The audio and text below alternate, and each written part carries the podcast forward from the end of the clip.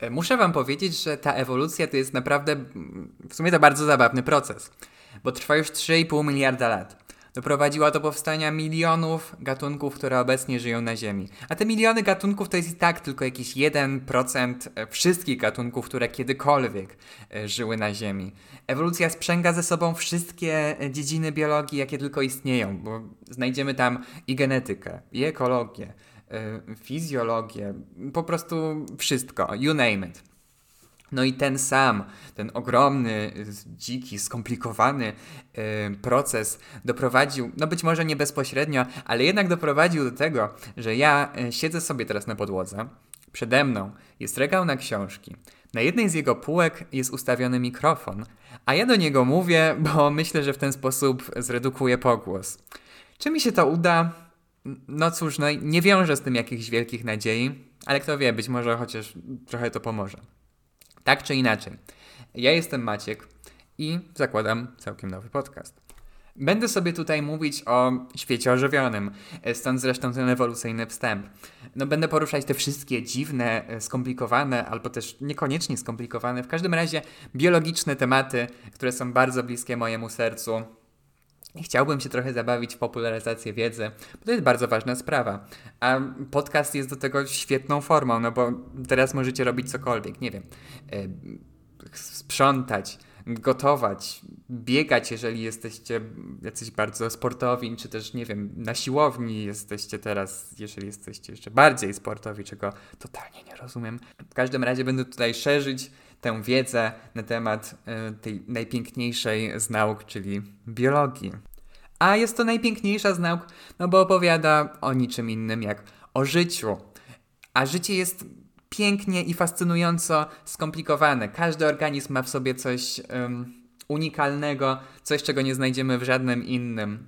I po to tutaj jestem, żeby opowiadać o tych wszystkich e, dziwnych i fajnych rzeczach. Żeby trochę otworzyć wam te oczy. Bez przesady. Nie, wyda- nie wiem, czy ja będę takim super edukatorem. Mam takie aspiracje, ale no wiadomo, jak to jest z aspiracjami. No moim głównym założeniem jest po prostu to, żeby tutaj było tak całkiem miło i śmiesznie. No bo umówmy się, nie jestem jakimś specjalnie poważnym człowiekiem. No i planuję tak sobie dosyć luźno opowiadać o tych wszystkich bakteriach, grzybach i roślinach i tak dalej. No ale e, luźno to wcale nie znaczy oczywiście e, byle jak. No co to, to nie. Wstydziłbym się tutaj wyrzucić coś byle jakiego. Umówmy się. E, za każdym razem bibliografia będzie podana w opisie.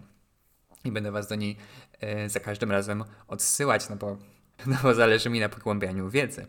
Po to tutaj jestem, jak już zresztą wspominałem. No, myślę, że skoro się przedstawiłem, skoro powiedziałem o co chodzi, to można przechodzić do tematu odcinka pierwszego, a będzie on bardzo fajny. Gdybym umiał, to bym wstawił tutaj dźwięk werbli, ale oczywiście tego nie zrobię. Będę sobie opowiadać o tym, co się dzieje w glebie pomiędzy roślinami a mikroorganizmami. Czy się tego spodziewaliście? Mam nadzieję, że trochę nie, bo lubię zaskakiwać ludzi. Czy jesteście zaskoczeni glebą? A może jesteście trochę zawiedzeni? Nie wiem, no bo gleba, no, o czym tutaj dużo mówić, jakby trochę materii nieorganicznej i organicznej zmieszanej ze sobą. Tam jest trochę powietrza, yy, wody i trochę życia. I o czym tutaj w ogóle mówić? Jakby dajcie spokój. Ale powiem wam, że gleba e, to jest bardzo ciekawa sprawa, bo to jest taka arena e, przeróżnych, dziwnych powiązań pomiędzy organizmami. Jedne się kochają, inne się nienawidzą, część z nich daje sobie w twarz, a jeszcze inne podkładają sobie nogę. Bo wyobraźcie sobie, 1 gram gleby, czyli bardzo mało. Można by pominąć w ogóle taką ilość.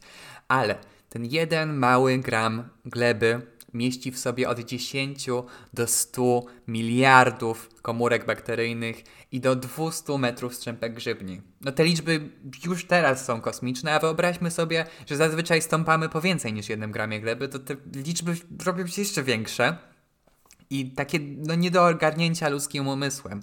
I właśnie tutaj, moi kochani, kryje się piękno biologii. To ta cała różnorodność życia w tej dziwnej masie, którą zazwyczaj w ogóle pomijamy, zapominamy o jej istnieniu, w glebie, bo tam jest aż tyle tego życia, które robi mnóstwo rzeczy. I to życie w tej glebie jest skupione głównie w tak zwanej warstwie ryzosfery, czyli takiej e, dosyć cienkiej warstewce e, gleby, która jest pod bezpośrednim wpływem działania korzeni.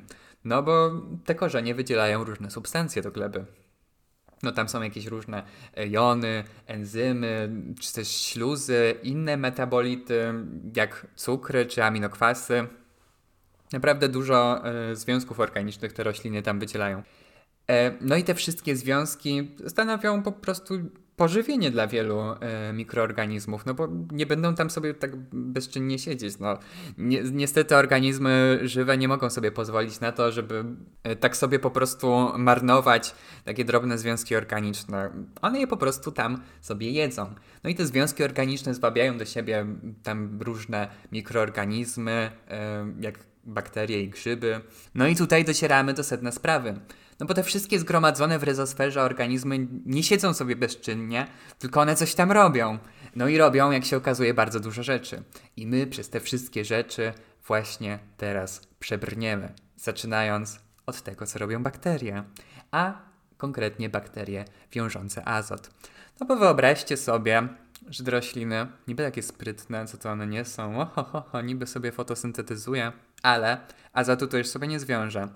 No bo azot tworzy takie cząsteczki, które bardzo trudno y, przerobić na coś innego. Dlatego no, rośliny nie korzystają sobie z tego całego azotu, który jest zgromadzony po prostu w atmosferze. Wykorzystują do tego bakterie.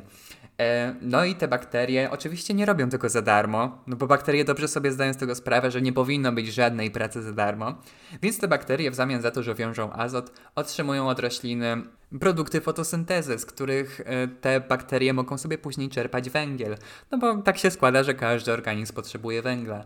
Jeżeli myślisz sobie, że nie potrzebujesz węgla, no to bitch, I'm sorry, ale potrzebujesz węgla, jak każdy inny organizm. Tak samo potrzebujesz azotu. Dlatego te rośliny zaprzęgły sobie bakterie do roboty. E, oprócz tego, że bakterie wiążące azot, czyli tak zwane bakterie brodawkowe, a dlaczego brodawkowa, to już właśnie Wam teraz powiem. Roślina oprócz tego, że zapewnia im te wszystkie produkty fotosyntezy, to jeszcze zapewnia im odpowiednie warunki. No bo tak się składa, że nie można sobie wiązać azotu w byle jakich warunkach. I tutaj właśnie wkracza roślina, cała na biało. Ta roślina tworzy mm, specjalne brodawki, takie komory dla tych bakterii, gdzie te bakterie sobie będą siedzieć i tam są zapewnione dzięki tej roślinie właśnie e, warunki beztlenowe. A te warunki beztlenowe są zapewnione dzięki takiemu białku, które się nazywa lek hemoglobina. Tak, hemoglobina, bo hemoglobina wiąże tlen yy, i usuwa jakby go z, tej, z tego środowiska yy, brodawki korzeniowej. Dzięki temu te bakterie tam nie mają tlenu i mogą sobie spokojnie wiązać azot i przerabiać go na yy, inne, substancje, inne substancje azotowe, które ta roślina już sobie może przyswajać. Tak się jakoś złożyło, że e, w tej takiej symbiozie pomiędzy bakteriami wiążącymi azot a roślinami wyspecjalizowała się specjalna, wyspecjalizowała się specjalna, no po prostu wyspecjalizowała się e, grupa roślin, e, czyli rodzina roślin bobowatych, po łacinie fabace. No a oprócz tego jeszcze tam mm, niektóre inne rośliny, jak na przykład olsza, ona też sobie wchodzi w symbiozę z bakteriami wiążącymi azot. Ale wracając do tych fabace, no to są dobrze znane nam rośliny y, strączkowe, jak fasola, y, soja, ciecierzyca i tak dalej. Y, właśnie dlatego te wszystkie rośliny mają tak wiele białka w swoich owocach, które my później spożywamy. Dlatego, że wchodzą w symbiozę z bakteriami wiążącymi azot. Stąd tam się tego tyle, wszystko, tyle tego wzięło. No i dzięki tej symbiozie rośliny mają bardzo duże zdolności konkurencyjne w swoim środowisku. No bo jeżeli mają jakieś bakterie, które wiążą za nie azot i dostarczają im tych związków azotowych, no to od razu wszystko się staje prostsze. Życie nigdy nie było takie łatwe dla tych roślin, e, bo nigdy nie mogły sobie wiązać azotu i nagle się pojawiły bakterie i dostają związki azotu no praktycznie za darmo. I dzięki temu te wszystkie rośliny nagle mogą tak bardzo bujnie rosnąć, mają większe takie zdolności przystosowawcze niż, niż miałyby bez tych bakterii. E, więc tak się składa, że stają się dosyć silnymi konkurentami i to ma bardzo duże znaczenie mm, dla roślin inwazyjnych. No bo część z tych roślin inwazyjnych i w Polsce i w ogóle na świecie, należy do roślin bobowatych. Na przykład u nas w Polsce jest takie drzewo, myślę, że dobrze wszystkim znane, jak robinia akacjowa, czyli robinia pseudoakacja, która właśnie jest rośliną bobowatą i wchodzi właśnie z tą symbiozę z bakteriami wiążącymi azot. Między innymi dzięki temu e, też odnosi taki sukces w swojej inwazji. No i ta robinia akacjowa e, może atakować, znaczy tak w cudzysłowie atakować e, te wszystkie takie siedliska, które są e, stosunkowo ubogie w azot. Na przykład mamy w Polsce coś takiego, co nazywamy murawami kserotermicznymi, gdzie no, nie ma szczególnie dużo azotu. I ta robinia akacjowa może sobie wkroczyć w taką murawę e, i może dosyć szybko ją skolonizować, no i przez to przyczyni się e, do wyparcia e, innych gatunków, które tam normalnie żyją. No i to jest dosyć niebezpieczne dla, dla tych zbiorowisk i dla różnorodności biologicznej. E, oprócz tej robini akacjowej, to też mamy zwykłą akację, która też jest rośliną motylkową, ale te gatunki akacji e, atakują regiony położone w Afryce Południowej, włączając w to takie obszary zwane hotspotami różnorodności biologicznej, czyli takimi miejscami, gdzie jest po prostu bardzo dużo gatunków. No i tam to jest szczególnie niebezpieczne, bo tam są bardzo różne rzadkie gatunki, niespotykane nigdzie indziej i kiedy ta akacja sobie tam wkroczy, Mm, to może po prostu wyprzeć e, tych słabszych konkurentów. Jeszcze innym takim przykładem bo rośliny bobowatej, która jest jednocześnie inwazyjna, jest tak zwane kudzu, czyli inaczej opornik łatkowaty, czyli jeszcze inaczej tym razem po łacinie e, Pueraria montana. To jest taka roślina, to jest takie pnącze, bardzo e, ekspansywne, E, które w tym przypadku, w które tym razem zaatakowało mm, Stany Zjednoczone. Tam też tworzy takie wielkie połacie, możecie sobie zobaczyć zdjęcia w internecie. To robi dosyć duże wrażenie, bo naprawdę bardzo szczelnie pokrywa, mm, ta cała roślina pokrywa całym swoim ciałem ogromny obszar. No i przez to, przez to zagraża roślinom, chociażby przez zacienianie tych innych roślin, które żyją pod nią. No i takie, takie rośliny, które tam właśnie sobie żyją zacienione, no to praktycznie umierają. Więc to kudzu jest naprawdę bardzo niebezpieczne i jest jedną z najbardziej inwazyjnych roślin y, w ogóle na świecie. No i tak się właśnie składa, że jest to roślina bobowata. No ale żeby nie robić z tych roślin bobowatych takich potworów, to one są bardzo ważne dla ekosystemów, no bo skoro wiążą e, ten azot, to te wszystkie ich organy są w ten azot bardzo bogate. No i kiedy taka roślina sobie obumrze, to ten azot zostaje uwolniony do środowiska. I to ma bardzo duże znaczenie dla tych innych roślin, które no, nie potrafią, nie mają tych bakterii wiążących azot. No i takie obumarłe organy bogate w azot tych roślin bobowatych wzbogacają e, glebę przyswajalne dla roślin e, związki azotu. Też, znaczy, no niekoniecznie też przyswajalne, no bo to też jest dużo białka które też musi być później przetworzone przez e, tam inne organizmy, ale do tego jeszcze przejdziemy. Możecie teraz spytać, no dobra, Maciek, ale czemu te bakterie, skąd te bakterie w ogóle wiedzą, że muszą dostać się do tego korzenia? No ja już Wam pospieszę z odpowiedzią. No bo tak się składa, że rośliny jednak są trochę bardziej sprytne niż wcześniej mówiłem i nie czekają na księcia na białym koniu, tylko do gleby wydzielają po prostu różne substancje, które zwabiają do siebie te wszystkie bakterie. Do tych substancji należą e, związki z grupy tak zwanych e, flawonów e, i izoflawonów. To są takie związki organiczne wydzielane przez rośliny, mają formę takich różnych pierścieni połączonych ze sobą. No i bakterie w środowisku wyczuwają te wszystkie flawony i izoflawony. No i tak wiecie, no, wyczuwają, mówią, ale fajnie. I przechodzą sobie do tego korzenia. Tak po prostu. W sensie, no, to nie jest tak po prostu. Te wszystkie e, związki chemiczne aktywują też e, geny tych bakterii w taki sposób, żeby. Mm, żeby mogły się wytworzyć te brodawki korzeniowe i żeby te bakterie sobie tam mogły wejść.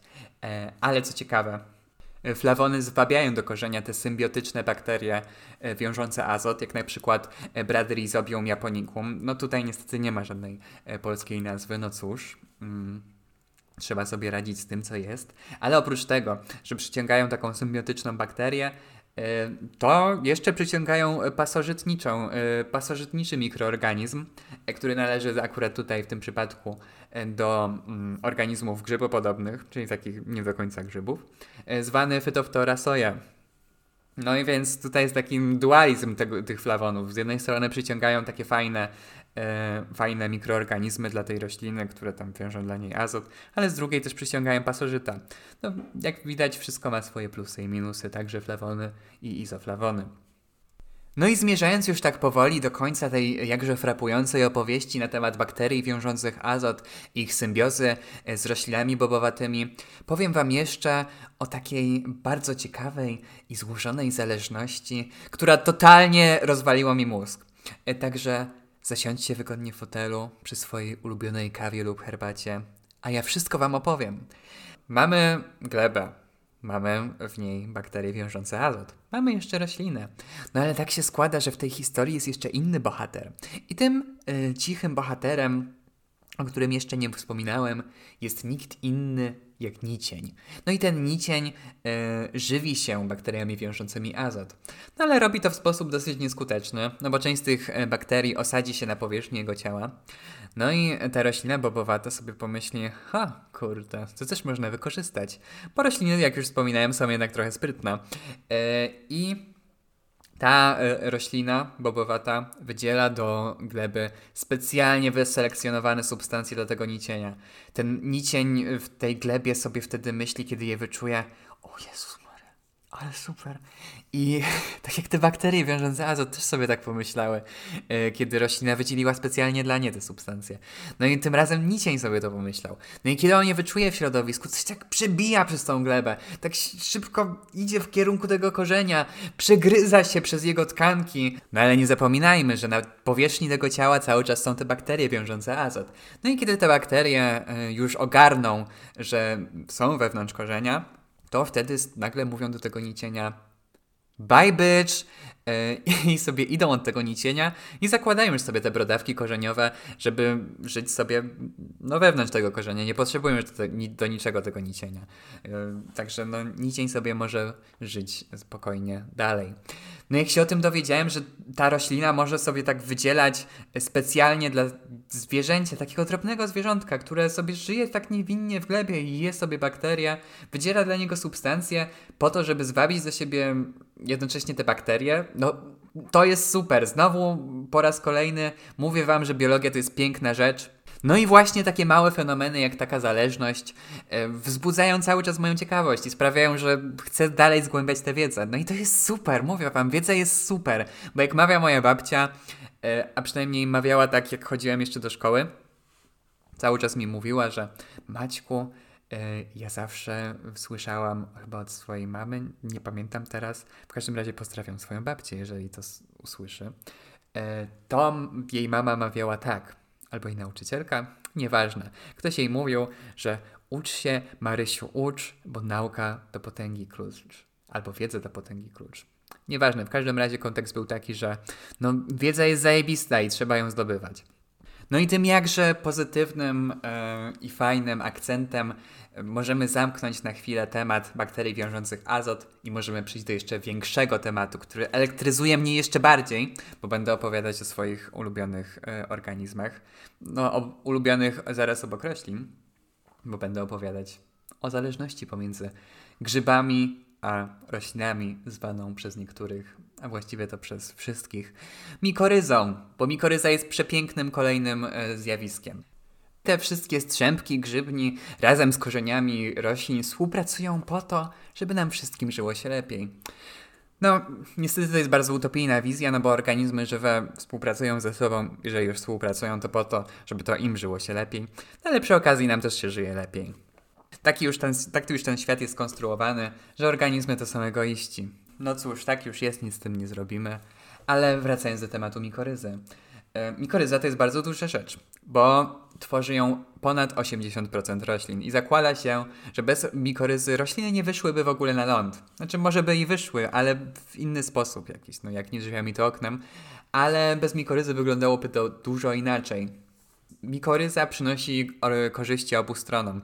No bo podobnie jak bakterie, które wiążą azot, grzyby mikoryzowe też nie pracują za darmo i bardzo dobrze, bo w zamian za to, że dostarczają roślinom woda, związki mineralne, w pewien sposób chronią je przed y, suszą i y, patogenami, czy też metalami ciężkimi, otrzymują od rośliny ponownie produkty fotosyntezy, z których te grzyby sobie mogą czerpać węgiel. Mamy takie dwa główne typy mikoryzy. No jest ich trochę więcej, ale opowiem tym razem tylko o dwóch. O innych przy okazji, na pewno kiedyś poruszę jeszcze temat mikoryzy. E, ale mamy dwa takie główne, czyli endomikoryzę, inaczej mówiąc mikoryzę arbuskularną i ektomikoryzę. Zacznijmy od e, endomikoryzy. E, czy też mikoryzy arbuskularnej. Będę mówić tutaj arbuskularna, bo bardziej lubię tę nazwę, jest fajniejsza. Więc mikoryza arbuskularna w naszej strefie klimatycznej dotyczy głównie e, roślin zielnych, tych takich, wiecie, no, które nie są zdrewniałe po prostu. Ale już w strefie tropikalnej e, większa liczba roślin drzewiastych e, wchodzi w mikoryzę arbuskularną niż ma to miejsce u nas. No więc mikoryza arbuskularna, bardzo fajna rzecz, muszę Wam powiedzieć, bo mm, głównie zaopatruje rośliny w fosfor, dlatego jest taka częsta też w strefie tropikalnej, no bo tam fosforu jest stosunkowo mało, no bo tam te gleby są dosyć ubogie. Dlaczego? Być może kiedyś jeszcze powiem. Nie będę tutaj wszystkich asów w rękawie wyciągał. E, tak czy inaczej, za mikoryzę arbuskularną odpowiada wyspecjalizowana w tym celu e, grupa grzybów, e, cała gromada grzybów, czyli taka bardzo duża jednostka systematyczna. Mm, w tym przypadku to są grzyby nazywane glomeromykota. No, również tutaj nie ma żadnej polskiej nazwy. Te grzyby glomeromykota są e, właśnie wyspecjalizowane w mikorysie arbuskularnej, bo strzępki tych grzybów wchodzą sobie do korzenia, tam e, przebijają się przez ścianę komórkową e, komórek roślinnych i wnikają sobie tak do wnętrza komórki bez przebijania wprawdzie błony komórkowej ale y, jak już tak sobie tam siedzą w tej komórce, to tworzą taką drzewkowatą strukturę. Y, I stąd się właśnie wzięła nazwa mikoryza arbuskularna, bo te drzewkowate struktury nazywamy arbuskulami.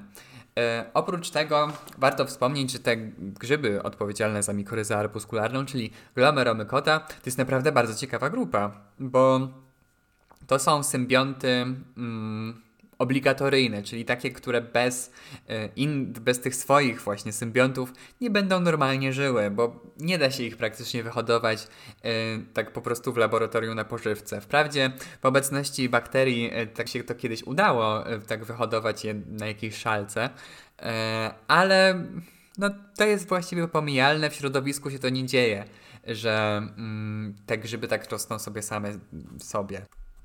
Y, Glomeromykota charakteryzują się też tym, że tworzą bardzo duże zarodniki, z których później kiełkuje właśnie sobie ten grzyb. No i w tych bardzo dużych zarodnikach jest dużo substancji zapasowych i jak się okazuje też jest bardzo dużo jąder komórkowych. No bo liczba jąder komórkowych w takim zarodniku może sięgać tysięcy. Yy, I te wszystkie mm, jądra komórkowe tam są prawdopodobnie po to, że gdyby coś się stało yy, z jednym jądrem, to są te zapasowe jądra, które mogą, które gromadzą ten materiał genetyczny i pozwalają na wykiełkowanie tego grzyba.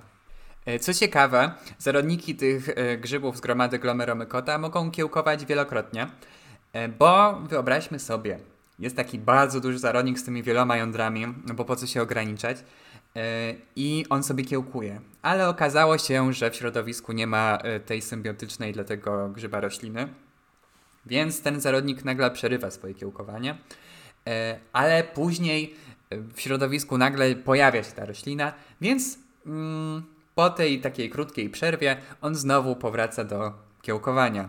No i to jest bardzo fajne, że tak sobie może kiełkować i nie kiełkować, kiełkować, nie kiełkować. Mm, super rzecz, bardzo przydatna. No dobrze, powiedziałem parę słów o mikoryzie arbuskularnej, ale wypada jeszcze co nieco powiedzieć o e, ektomikoryzie, Ektomikoryza jest chyba e, lepiej znana tak ogólnie, bo dotyczy tych grzybów, które bardzo dobrze znamy, innymi e, borowików czy też e, rydzy, bo one właśnie tworzą ektomikoryzę z drzewami. Przynajmniej w naszej strefie klimatycznej ektomikoryzę tworzą raczej drzewa. I ektomikoryza polega na tym, że strzępki grzyba ponownie wnikają do korzenia, ale tym razem nie wnikają już do komórek, ale tylko oplatają komórki. Mm, I tworzą nie arbuskule, tak jak było w przypadku mikoryzy arbuskularnej, ale taką strukturę zwaną siecią Hartika. E, I sieć Hartika, mm, tak samo jak te arbuskule, służą właśnie do wymiany substancji pomiędzy grzybem a rośliną. No i ta ektomikoryza jest bardzo ważna u nas w strefie klimatu umiarkowanego, e, w tych naszych lasach i w mm, lasach borealnych, czyli tych takich, wiecie, zimnych lasach e, na północy, gdzie rosną e, drzewa szpilkowe.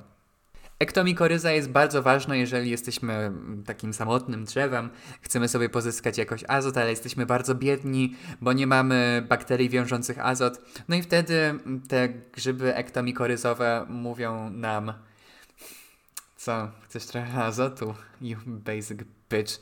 Bez bakterii mm, azotowych, brodawkowych. Przepraszam. Już mi się mieszają te wszystkie nazwy. W każdym razie te grzyby ektomikoryzowe wkraczają całe na biało Y, i oferują nam azot. A oferują nam go w taki sposób dosyć nieoczywisty, bo pomimo tego, że tworzą tą grzybnię wewnątrz korzenia, to jeszcze mają taką dosyć bogatą grzybnię poza tym korzeniem. No i ta bogata grzybnia poza tym korzeniem może sobie wydzielać do środowiska różne enzymy rozkładające obecne w środowisku, obecne w glebie E, substancje azotowe, czyli tam białka, e, te enzymy są wydzielane, te wszystkie substancje są rozkładane do prostych związków organicznych, które, ta rośli- które ten grzyb już sobie może e, pobrać i przekazać je roślinie. Ponownie, wszyscy są bardzo szczęśliwi. Zarówno roślina, że dostaje wszystkie niezbędne substancje, bo oprócz tego, że dostaje związki azotowe, dostaje też wodę.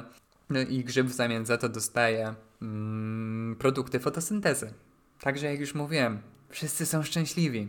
Włączając w to wszystkich grzybiarzy i grzybiary, które chodzą jesienią i zbierają e, grzyby do koszyka. Te wszystkie grzyby mikoryzowe, zarówno te arbuskularne, jak i ektomikoryzowe, tworzą pod powierzchnią ziemi taką ogromną, rozległą e, sieć. Mm, grzybni, dzięki której e, powierzchnia, z której rośliny mogą sobie czerpać te wszystkie substancje za pośrednictwem grzybów, również jest bardzo duża. No i to też jest bardzo duża oszczędność e, dla rośliny, ponieważ wytworzenie korzeni jest, e, tak się składa, że jest bardziej kosztowne energetycznie i trzeba więcej włożyć w to związków organicznych i tak dalej niż wytworzenie, niż w przypadku wytworzenia strzępek grzyba. E, te grzyby to jest naprawdę taka dosyć tania siła robocza, no i rośliny z tego bardzo sprytnie korzystają. No i nie robią, jak już mówiłem, tego w byle jaki sposób, bo znowu do gleby wydzielają takie różne substancje, m.in. te seskwiterpeny. E, I to są takie czynniki e, regulujące rozgałęzianie strzępek, a także kiełkowanie grzybów arbuskularnych. W przypadku mikoryzy arbuskularnej to wydzielanie przez roślinę e, substancji stymulujących kiełkowanie zarodników oraz rozgałęzianie się strzępek grzybni jest regulowane zawartością fosforu w glebie. Więc jeżeli mamy mało fosforu w glebie, no to roślina będzie chętnie wydzielać te substancje, jeżeli jest go dużo, no to mniej chętnie. No bo skoro grzyby mm, mikoryzy arbuskularnej e, wspomagają pobieranie fosforu, no to jeżeli go jest dużo w środowisku, no to ta roślina tyle ich nie potrzebuje, po co się męczyć. Więc jak łatwo można zauważyć, e, te decyzje są podejmowane w dużym stopniu przez roślinę. A skoro już mówimy o tym, że rośliny tutaj są, zarządzają tymi sterami, no to powiemy co nieco o tych roślinach. Co one w ogóle robią w tej glebie? No, jak już na początku mówiłem, wydzielają do gleby różne substancje przez korzenie. Te substancje wydzielane przez rośliny mogą działać na mikroorganizmy no, w różnoraki sposób, bo na niektóre mogą działać tak stymulująco, że wszystkim jest fajnie, że tym mikroorganizmom chce się żyć, e, powiększają swoją populację, zwiększa się ich przeżywalność i te mikroorganizmy wtedy są naprawdę, e, naprawdę szczęśliwe. Ale na inne mikroorganizmy te wydzieliny mogą działać w sposób, no właśnie, hamujący, no bo mm, część z tych substancji wydzielanych przez roślinę ma po prostu działanie obronne. Stety, niestety, życie rośliny nie polega wyłącznie na wydzielaniu do gleby substancji, no a na coś z tej gleby też musi mieć, no nie jestem bez powodu. I yy, pobiera sobie z tej gleby przede wszystkim wodę, yy, ale też pobiera różnorakie jony. Przypominam, jony to są kationy i aniony. Kationy są naładowane dodatnio, natomiast aniony są naładowane ujemnie. I ten zagmatwany świat fizjologii roślin jest już tak skonstruowany, że pobieranie jonów z gleby niesie za sobą zmiany pH właśnie w tej glebie. I te zmiany pH nie są bez znaczenia dla mikroorganizmów, y, bo mikroorganizmy powiedzmy, że mają w środowisku jakieś tam swoje ulubione pH. Tak samo jak my mamy swoją ulubioną książkę, mikroorganizmy mają swoje ulubione pH. I jeżeli pH zmieni się za bardzo, to część z mikroorganizmów może już po prostu nie chcieć żyć w takim środowisku. Bo być może my też byśmy nie chcieli żyć w takim środowisku, w którym zabrano nam naszą ulubioną książkę. No, mikroorganizmy, jak już też wspominałem wcześniej, no, mm, są dosyć wybredne i nie robią rzeczy za darmo. Tak samo nie będą sobie żyć w byle jakim środowisku, w takim, w którym nie mają swojego ulubionego pH. E, także te jakże szczwane lisy, e, zwane inaczej roślinami, manipulując pH gleby, wpływają również na mm, całą strukturę e, tej społeczności mikroorganizmów, jaka występuje w ryzosferze. Myślę, że w tym momencie warto też dodać taki ciekawy fakt, że podczas tej całej wymiany jonów pomiędzy glebą a rośliną dochodzi do zmiany w polu elektrycznym, i to nie pozostaje tak bez znaczenia dla y, organizmów takich pazoszytniczych, tych grzybopodobnych z gromady oomykota. One sobie właśnie wyczuwają te zmiany i dochodzi do zjawiska y, elektrotaksji. Te, y, te organizmy grzybopodobne, te pasożyty właśnie sobie będą wędrować tak w kierunku tego korzenia, no bo tam się coś zmieniło w tym polu. I to też jest bardzo ciekawe i chciałem to tutaj po prostu tak sobie rzucić, bo to całkiem fajne. Wpływ roślin na mikroorganizmy może się też zaznaczać w inny sposób, bo muszę tutaj zrobić takie krótkie wprowadzenie, takie, taki mały zarys tematu, bo będę mówić o trochę skomplikowanej rzeczy, nie wiem czy temu podołam. E, przygotujcie się na może trochę pokraczne tłumaczenie, no ale coś tam spróbuję z siebie wykrzesać. Wyobraźcie sobie, że istnieje taki system wśród bakterii, który reguluje procesy ważne dla bakterii symbiotycznych, ale też ważne dla bakterii tych patogennych. E, no i przykładem takiego procesu może być tworzenie biofilmu, czyli takiej jakby bakteryjnej okrywy pokrywającej różne powierzchnie, między innymi też korzenie. No i ten cały system, który reguluje te wszystkie procesy, nazywany jest systemem QS i polega na takiej no, chemicznej ko komunikacji pomiędzy bakteriami. To są takie chemiczne pogaduszki, takie, wiecie, bakterie się wybrały na ploteczki i sobie wysyłają sygnały chemiczne zamiast słów. I ten cały system komunikacji pomiędzy bakteriami y, oparty jest na tym, że wydzielanie substancji, że wielkość tego wydzielania tych substancji jest inna kiedy bakterie żyją w dużym i kiedy żyją w małym zagęszczeniu swojej populacji. To można sobie wyobrazić w taki sposób, że jeżeli, e, nie wiem, widzimy się w małej grupie znajomych, e, to ta komunikacja wygląda tak jakoś inaczej niż kiedy jesteśmy na jakiejś wielkiej imprezie. Tak samo te bakterie inaczej się komunikują ze sobą, e, kiedy żyją w małym zagęszczeniu, a inaczej, kiedy żyją w większym zagęszczeniu. No i właśnie te różnice w wydzielaniu tych substancji prowadzą do zmian e, w ekspresji genów. Tych genów, które właśnie biorą udział w tych wszystkich procesach, jak na przykład e, tworzenie biofilmu. Ale po co ja to w ogóle mówię? Bo, bo, przecież miałem mówić o roślinach. No i kochani, właśnie tutaj wracam do roślin, bo okazuje się, że rośliny potrafią naśladować y, te substancje wydzielane przez bakterie uczestniczące właśnie w tym systemie regulacyjnym, o którym powiedziałem przed chwilą. I dzięki temu, że ta roślina tak sobie wydziela do gleby te wszystkie substancje, może sobie manipulować trochę tymi bakteriami, tymi całymi społecznościami bakterii i wykorzystywać je do swoich tam celów, nie wiadomo jakich. I to może mieć duże znaczenie nawet w kontekście takim medycznym, bo okazuje się, że skoro antybiotyki już tak no, przestają trochę działać, to człowiek wtedy robi co? No człowiek wtedy wraca do korzeni i to dosłownie. E, bo, bo ludzie wtedy, bo badacze się wtedy przyglądają tym zjawiskom, które się dzieją w korzeniach, bo substancje wydzielane przez rośliny mogą okazać się przydatne w leczeniu różnych chorób bakteryjnych. No także świetna rzecz. Rośliny są wspaniałe i trzeba się im po prostu przyglądać z każdej możliwej strony. Jeżeli jeszcze tego nie robiliście, no to bardzo zachęcam. Pomimo, że temat gleby to jest temat rzeka, a myślę, że teraz można nawet powiedzieć, że to jest temat gleba, ale śmieszne, no nie?